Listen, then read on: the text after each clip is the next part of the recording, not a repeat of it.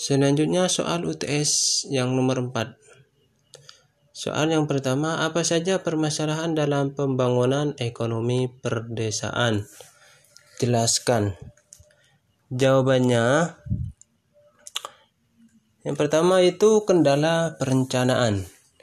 Apa itu kendala perencanaan? Kendala perencanaan adalah kemampuan masyarakat secara umum dan aparat setempat masih belum memadai dalam melakukan perencanaan di wilayah desanya. Kendala yang kedua yaitu pelaksanaan, yang mana pelaksanaan tersebut ketika proses pembangunan yang dilaksanakan adalah hal yang belum pernah dilakukan, sementara kemampuan pelaksanaannya atau kemampuan pelaksananya itu terbatas. Maka perencanaan tidak bisa berjalan dengan lancar. Kendala selanjutnya yaitu kendala koordinasi yang mana kemampuan koordinasi desa yang minim sering kali menghambat kesuksesannya dalam pelaksanaan pembangunan ekonomi perdesaan tersebut.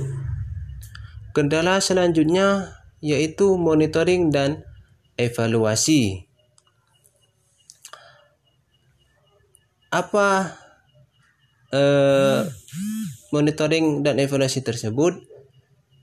terhadap satu program sering kali terabaikan. Padahal monitoring dan evaluasi ketika program tengah e, dilaksanakan atau berjalan dan ketika suatu program ini telah selesai dilaksanakan adalah hal penting demi mengetahui sejauh mana target dapat terlaksana. Soal yang kedua, dapatkah kamu memberikan solusi atas setiap permasalahan tersebut?